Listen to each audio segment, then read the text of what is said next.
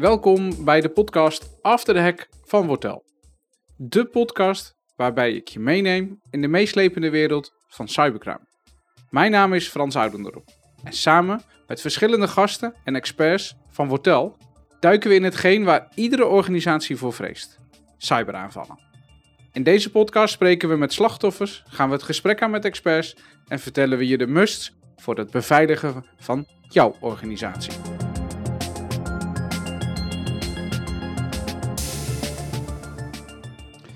Zo, hallo. We zijn weer terug van weg geweest. Welkom in de vierde aflevering van de After the Hack podcast. Vandaag gaan we het hebben over de wederopbouw na een hack. Want hoe zorgen we ervoor dat een organisatie na een hackaanval weer up en running is?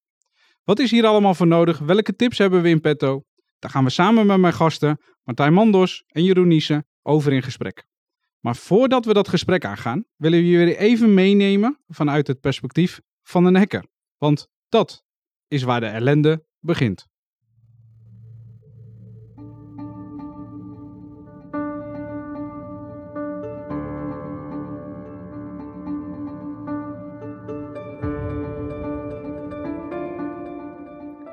In 2021 maakte ik en mijn medehackers in totaal 25 miljoen euro buit via phishing.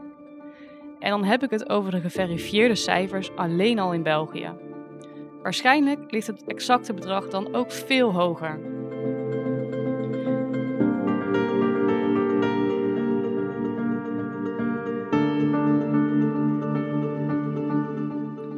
Iedereen weet tegenwoordig wat phishing is. Maar het blijft een truc waar veel mensen tot de dag van vandaag intrappen.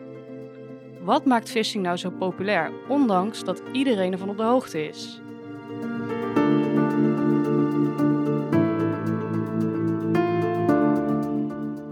Dat is eigenlijk heel simpel.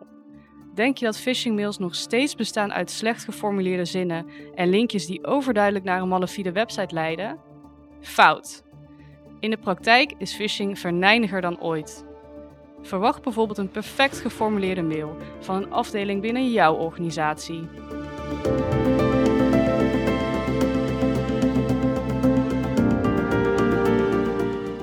Ik en andere hackers doen er namelijk alles aan om phishingmails zo realistisch mogelijk te maken. Denk aan exact dezelfde handtekeningen, goed Nederlands en een dringend verzoek via een link. En dat laatste zou bij jou een belletje moeten doen rinkelen. Maar wanneer mensen zich veilig wanen, is een klik zo gebeurd.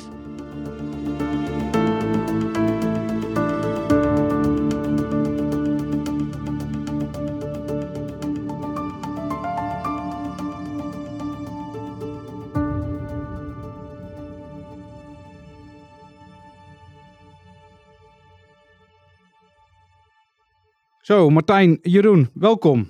Martijn, jij bent Solution Sales bij Wortel. Ja, dat klopt. Wat doe je precies? Ik ben meestal degene die ehm, vragen mag beantwoorden en vragen mag stellen aan klanten als het gaat om security, vooral op ons competence center. En als het dan over het MDR gaat, dan ben ik meestal de go-to guy.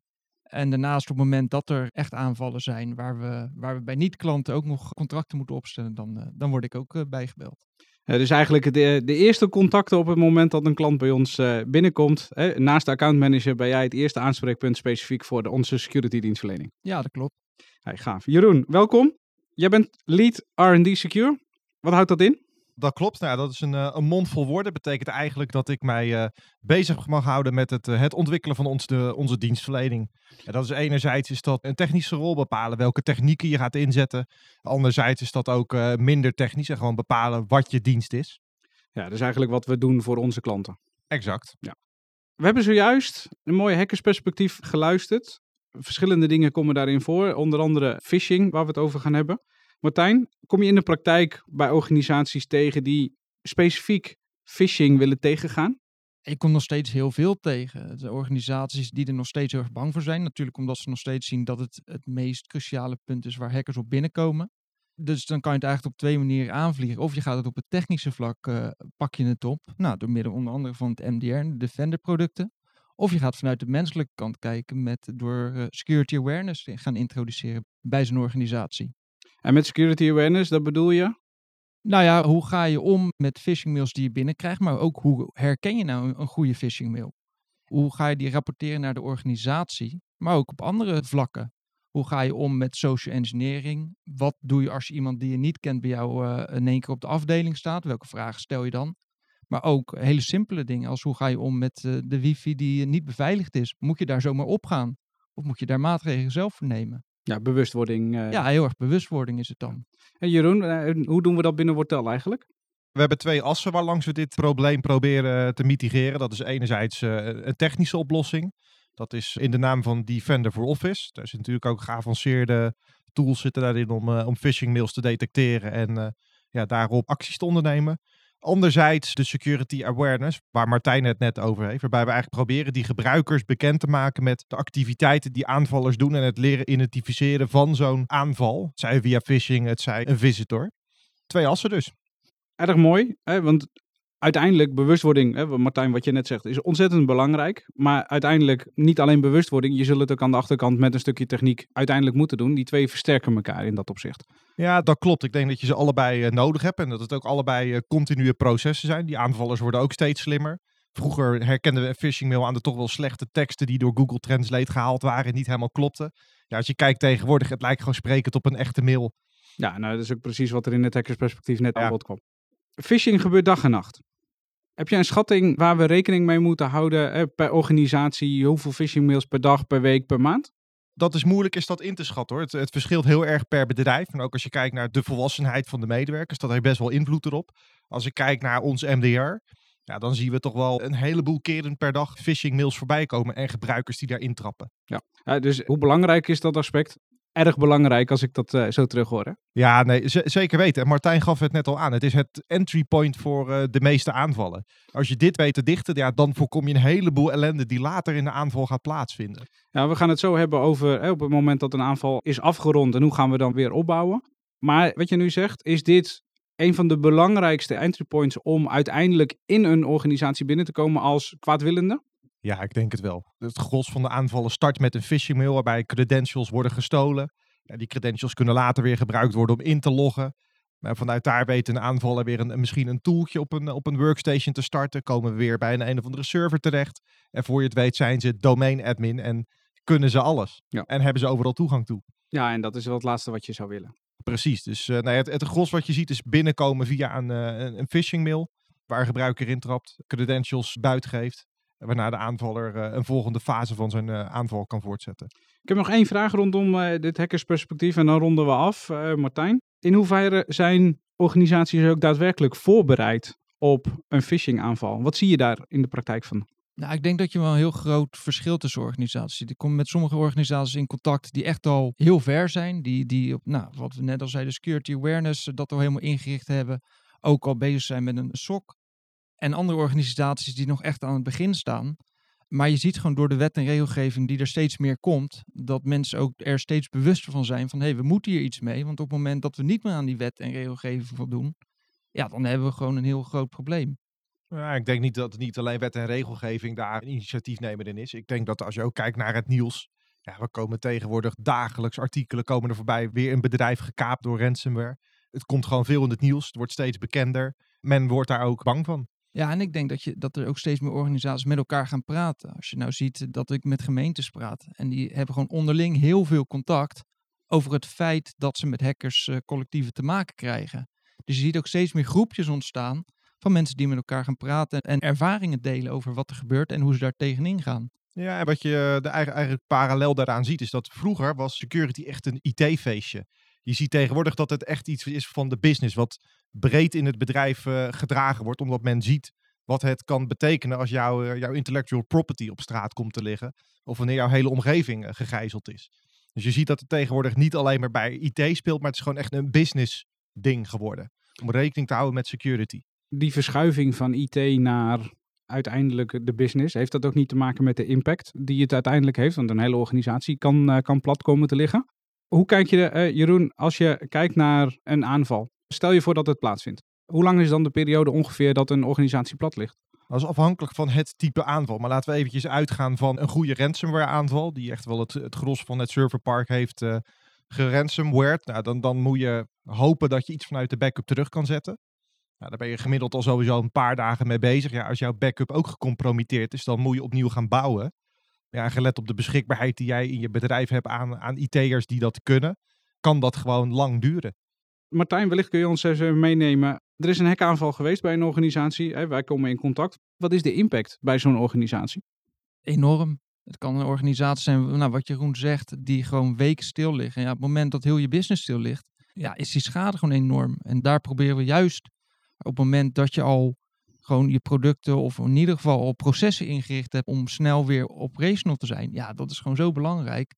Want daardoor is die impact wordt steeds kleiner. Je wilt natuurlijk niet, maar je weet dat de kans dat het gaat gebeuren is gewoon, ja, is bijna 100% dat er een keer iemand aan de deur komt. Nou, dat is ook waar we in de vorige aflevering over gehad hebben met de advocaat van Kennedy van der Laan. Zorg dat je processen op orde zijn, dat je beseft dat het een keer kan gebeuren. Dan is de impact is misschien nog wel net zo groot. Maar uiteindelijk, de afhandeling is een stuk vloeiender dan op het moment dat je zaken niet getest hebt en niet voorbereid bent, zeg maar. Ja, ik, ik, ik denk dat je daar ook eh, een heel klein woordje noemt, wat, wat best heel belangrijk is, testen. Het hebben van je proces is, is één ding, dat helpt. Maar ja, op het moment dat de aanval heeft plaatsgevonden, dan moet iedereen ook weten wat je gaat doen. Het is dan heel fijn om het een, aantal keren geoefend te hebben, zodat iedereen ook snel aan de gang kan gaan en die impact zo minimaal mogelijk houdt. Ja, en dat kunnen we klanten en organisaties nu al meegeven. Zorg dat je dat in ieder geval doet. Daar hebben we het de vorige keer ook over gehad. Het is wel gebeurd. En dan? dan hebben we de eerste incident response gedaan. We hebben de containment is over. Dus we hebben het gestopt. Wat gaan we dan doen? Wat, wat vindt er dan plaats in zo'n organisatie? Kun je ons daarin meenemen, Jeroen? Dat verschilt per organisatie. Kijk, gelet op de organisatie heb je bepaalde prioriteiten. Bij de, bij de ene organisatie kan het zijn, wil, ik wil zo snel mogelijk terug. Want ieder uur dat ik down ben, kost me gewoon heel veel geld. Anderzijds heb je ook organisaties die echt zeggen, joh, bring back better. Ja, dat betekent dat je gaat, gaat rebuilden en ook gelijk alle nieuwigheden uh, in je omgeving kan introduceren die de omgeving veiliger en, en beter maken. Het verschilt heel erg van het type organisatie en de prioriteit die je hebt. Ja, betekent dat ook, eh, Martijn, dat dan processen en dergelijke geoptimaliseerd worden? Ja, 100%. Wat je gewoon zegt, bring back better. Dat is niet alleen maar op je IT-kant, maar dat is ook op die processenkant. Die wil dan dat alles voor de volgende keer nog beter is ingericht. En waar we het net over hebben van de, de impact. Ja, de kans dat het nog een keer gebeurt, nou, die is er altijd. Dus dan moet die impact nog kleiner zijn. Moet die proces nog strakker zijn ingeregeld. En natuurlijk wil je op het gebied van IT en security, wil je al gewoon dat het, nou ja, dat, dat het gewoon helemaal niet meer gaat gebeuren. Zijn er voorbeelden uit de praktijk waar echt daadwerkelijk op geïnvesteerd wordt? Nou ja, wat we eerder al zeiden, eigenlijk op twee dingen. Uh, dat is nou ja, de, je security producten die je kan gebruiken. En aan de andere kant zie ik ook steeds meer dat die, die menselijke kant steeds meer naar voren wordt gebracht. Het is meestal een kleine investering ten opzichte van de IT-kant. En daar wil ik niet mee zeggen dat het niet minder belangrijk is. Maar je ziet gewoon dat door die mensen te trainen in het, nou, de bewustwording over de cybergevaren die er zijn, ja, dat dat enorm helpt in je cyberveiligheid. Ja, wat, wat mij ook opvalt is nadat een bedrijf gecompromitteerd is geweest, dat er ook uh, in één keer een, best wel groot budget beschikbaar is voor monitoring. Daarmee kan je natuurlijk ook vroegtijdig kan je de aanval uh, detecteren en daarop reageren. En daarmee kan je die, die impact gewoon gigantisch reduceren. Betekent dat ook dat we nieuwe producten introduceren op het moment dat we opnieuw gaan bouwen? Betekent dat alleen maar backup terugzetten of ook daadwerkelijk vernieuwen, om het maar zo te zeggen? Nou, ik, ik denk dat je eigenlijk niet kan terugbouwen zonder ook die monitoring in place te hebben. Je wil immers, als je terug gaat bouwen, ook de garantie hebben dat het veilig is. En monitoring is er eigenlijk uh, de tool voor om jou eigenlijk die garantie te geven. En te laten zien van, joh, die omgeving is veilig, hier gebeuren geen rare dingen er bestaat natuurlijk altijd een risico dat wanneer je terug gaat bouwen. En je had nog ergens die AD-server of een file-server ergens staan die niet gecompromitteerd was, dat daar misschien wel een backdoor op zit. Of dat een van de wachtwoorden van jouw gebruikers nog steeds op straat ligt. Dus zorg dat als je terugbouwt, dat je ten alle tijde die monitoring in place hebt. Het liefst ook met een incident response proces, zodat je ook gewoon snel en tijdig kan reageren op eventuele signalen van een aanval een van de vorige afleveringen hebben we ook tips gevraagd van uh, mensen die ons hebben geholpen in de podcast. En dan kom ik elke keer kom ik daar uh, weer zaken terug als backup, patching, security oplossingen toepassen en al dat soort zaken. Dat zijn ook zaken waar rekening mee gehouden wordt op het moment dat je opnieuw gaat implementeren, Martijn? Ja, natuurlijk. Die tips die moet je gewoon altijd meenemen. Eh, je moet altijd zorgen dat, nou, dat je die security producten, en Jeroen had het net over, je gaat misschien ook wel breder kijken. We kijken niet meer alleen naar IT-oplossingen, maar ook naar je OT-kant. Zijn er misschien black spots die je eigenlijk nooit had bedacht van, hé, hey, daar hebben we nooit op het gebied van security naar gekeken. En ook die ga je daarin meenemen. En ook daarin kijken we met Wortel heel erg van, nou oké, welke mogelijkheden zien we daarin? Ik denk dat, nou, Jeroen en ik hebben er best wel veel contact over, over het feit dat we soms organisaties nog bewust moeten maken over welke andere mogelijkheden er nog zijn. Behalve dan die ze al hebben gezien. Nog aanvullingen, Jeroen? Ja, kijk, wat je ziet is dat zo'n aanval heeft vaak gewoon gigantische impact op zo'n op zo'n bedrijf. Het kost heel veel geld, reputatieschade, uh, medewerkers die lost zijn omdat de communicatie en dergelijke is, is weggevallen. Dit is iets waar bedrijven van schrikken wat ze maar één keer uh, mee willen maken. Dus dat betekent ook ja, dat als er opnieuw wordt teruggebouwd of er kunnen backups teruggespoeld worden, dat je dat wel op een dusdanige manier doet dat je gaat voorkomen dat dit nog een keer in deze ernstige situatie voor kan komen. Nou, dat betekent eigenlijk bij de wederopbouw dat budgetten en dergelijke, nou, ontoereikend is misschien een groot woord, maar dat dat wel huge is, zodat hè, de optimale dingen gedaan kunnen worden. Hoe zie je dat in de praktijk, eh, Martijn? Nou ja, als je kijkt wat je zegt, het is op het moment dat er zo'n cyberaanval is geweest, dan is er meestal, wat je zegt, heel veel budget extra in één keer vrij om dan ook gelijk alles goed te doen. Dat helpt bij ons natuurlijk wel, dat we dat ook gewoon goed kenbaar kunnen maken. Beste organisatie, je bent nu gehackt, uh, op deze manier zijn ze binnengekomen. Met deze producten en, uh, en deze diensten zou je heel erg geholpen zijn. En dan zie je in één keer dat zo'n organisatie ook steeds meer daar bewust van wordt. Daar ook in wil investeren. En daarna ook samen met nou, een organisatie als Wortel gaat kijken van hoe kunnen we in een partnership dat ook steeds verder gaan uitbouwen. Niet alleen op die werkplek, niet alleen op de cloud-omgeving, maar ook nou, dat breder trekken naar een stuk zoals uh, security awareness. Om daarop terug te komen, volgens mij hebben we, zoals de vorige keren ook, we hebben nog een boodschappenlijstje. En een van die dingen is een MDR-dienstverlening. En daar uh, wil ik jullie graag even in meenemen.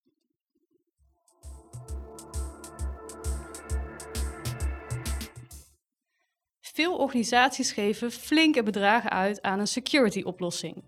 Maar hackers, waaronder ik, worden slimmer en aanvallen geavanceerder. Security vereist daarom een hele andere aanpak dan voorheen. Wil jij nou geen slachtoffer worden van mijn praktijken?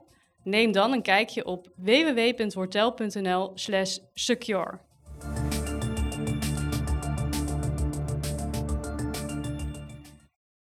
Nou, we hadden het over security producten, security oplossingen. Jeroen, security oplossingen. Is dat het enige remedie op het moment dat we een wederopbouw doen?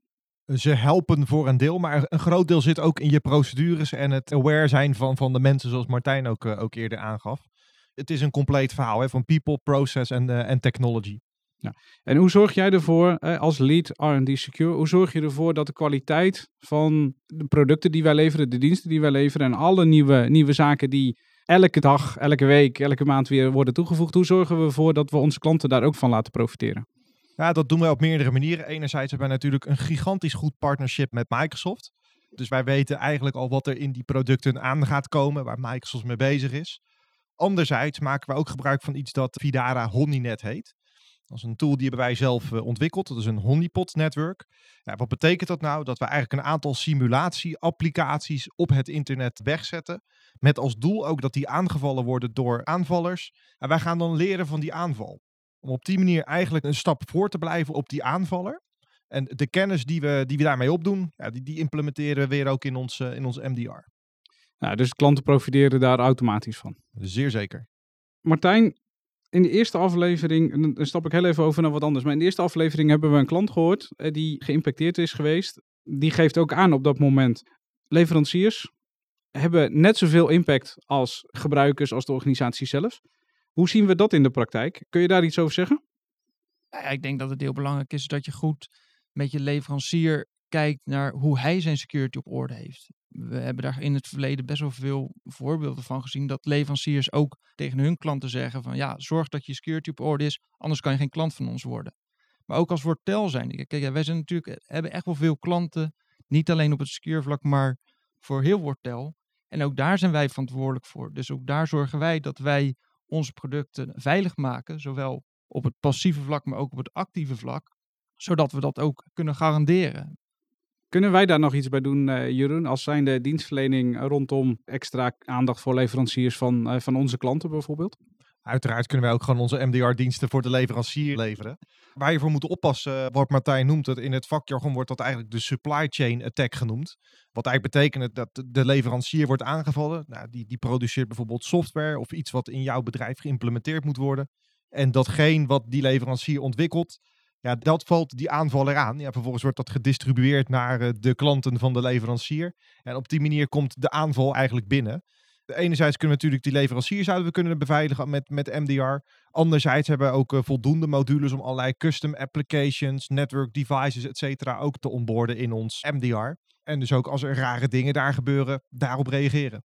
Ik denk dat het ook belangrijk is dat we steeds meer, en dat zien we natuurlijk ook, dat we pentesters in dienst hebben, waar die ook die software gaan testen. Je ziet het steeds meer en ik denk dat het ook voor leveranciers nou, goed is als je nieuwe software distribueert, dat je die ook eerst laat testen door een ethical hacker, die daarop al bevindingen gaat brengen en daarvoor een, ja, een bredere blik heeft.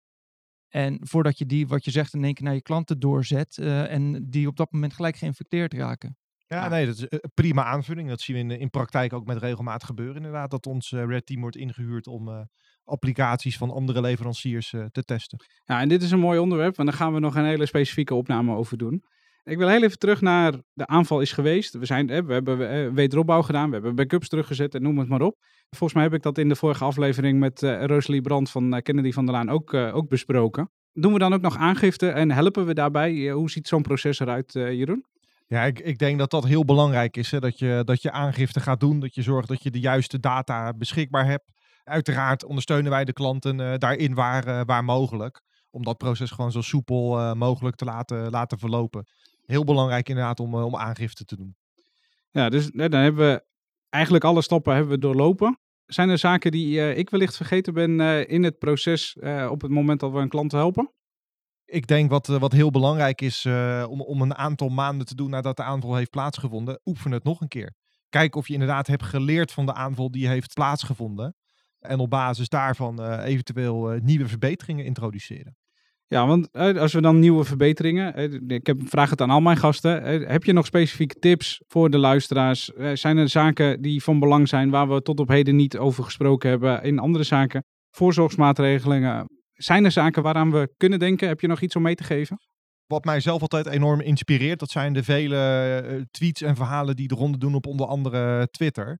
Nou, als je daar op de juiste hashtag zoekt, dan kom je ook alle verhalen tegen van security incidenten die in de praktijk uh, plaatsvinden. En bedenk nou eens hoe zo'n incident, wat voor impact dat zou hebben op jouw bedrijf. En welke maatregelen je eventueel daartoe hebt getroffen om dat te voorkomen. Nou, en ik denk eigenlijk waar we het net over hadden, ga ook een gesprek in met je leveranciers. Van hoe kijken zij er tegenaan? Wat is hun beleid op het gebied van security? En ook, nou, ga vooral ook met je partners, nou, net zoals een Wortel een goede partner is, ga ermee in gesprek. Hoe zien zij security? Waar wil je naartoe als organisatie? En nou, hoe ziet Wortel security? En welke stappen kan je nog nemen? En zie het als uh, continuous improvement. Ga oefenen, leer daarvan, implementeer verbeteringen en oefen nog een keer en herhaal dat ik kan zeggen, doe het half jaar later of een jaar later. Maar plan het in ieder geval in en zorg dat je test en dat je voorbereid bent. Dat is eigenlijk waar jullie allebei op doelen. Exact. Ja. Nou, hartelijk dank voor dit gesprek. Fijn en leuk dat jullie wilden aanschuiven. Dank daarvoor. En uiteraard wil ik jullie als luisteraar ook bedanken voor het luisteren. In de volgende aflevering ga ik opnieuw het gesprek aan over een nieuwe case binnen de cybercrime. Want hoe gaan we op zoek naar digitale braaksporen? Hoe is de hacker binnengekomen en wat wordt er gevraagd om bijvoorbeeld data vrij te geven? In deze aflevering kijken we naar de forensische kant en schuift er een leuke gast aan. Vergeet niet deze podcast te volgen, zodat je de volgende niet gaat missen. En laat je niet hacken.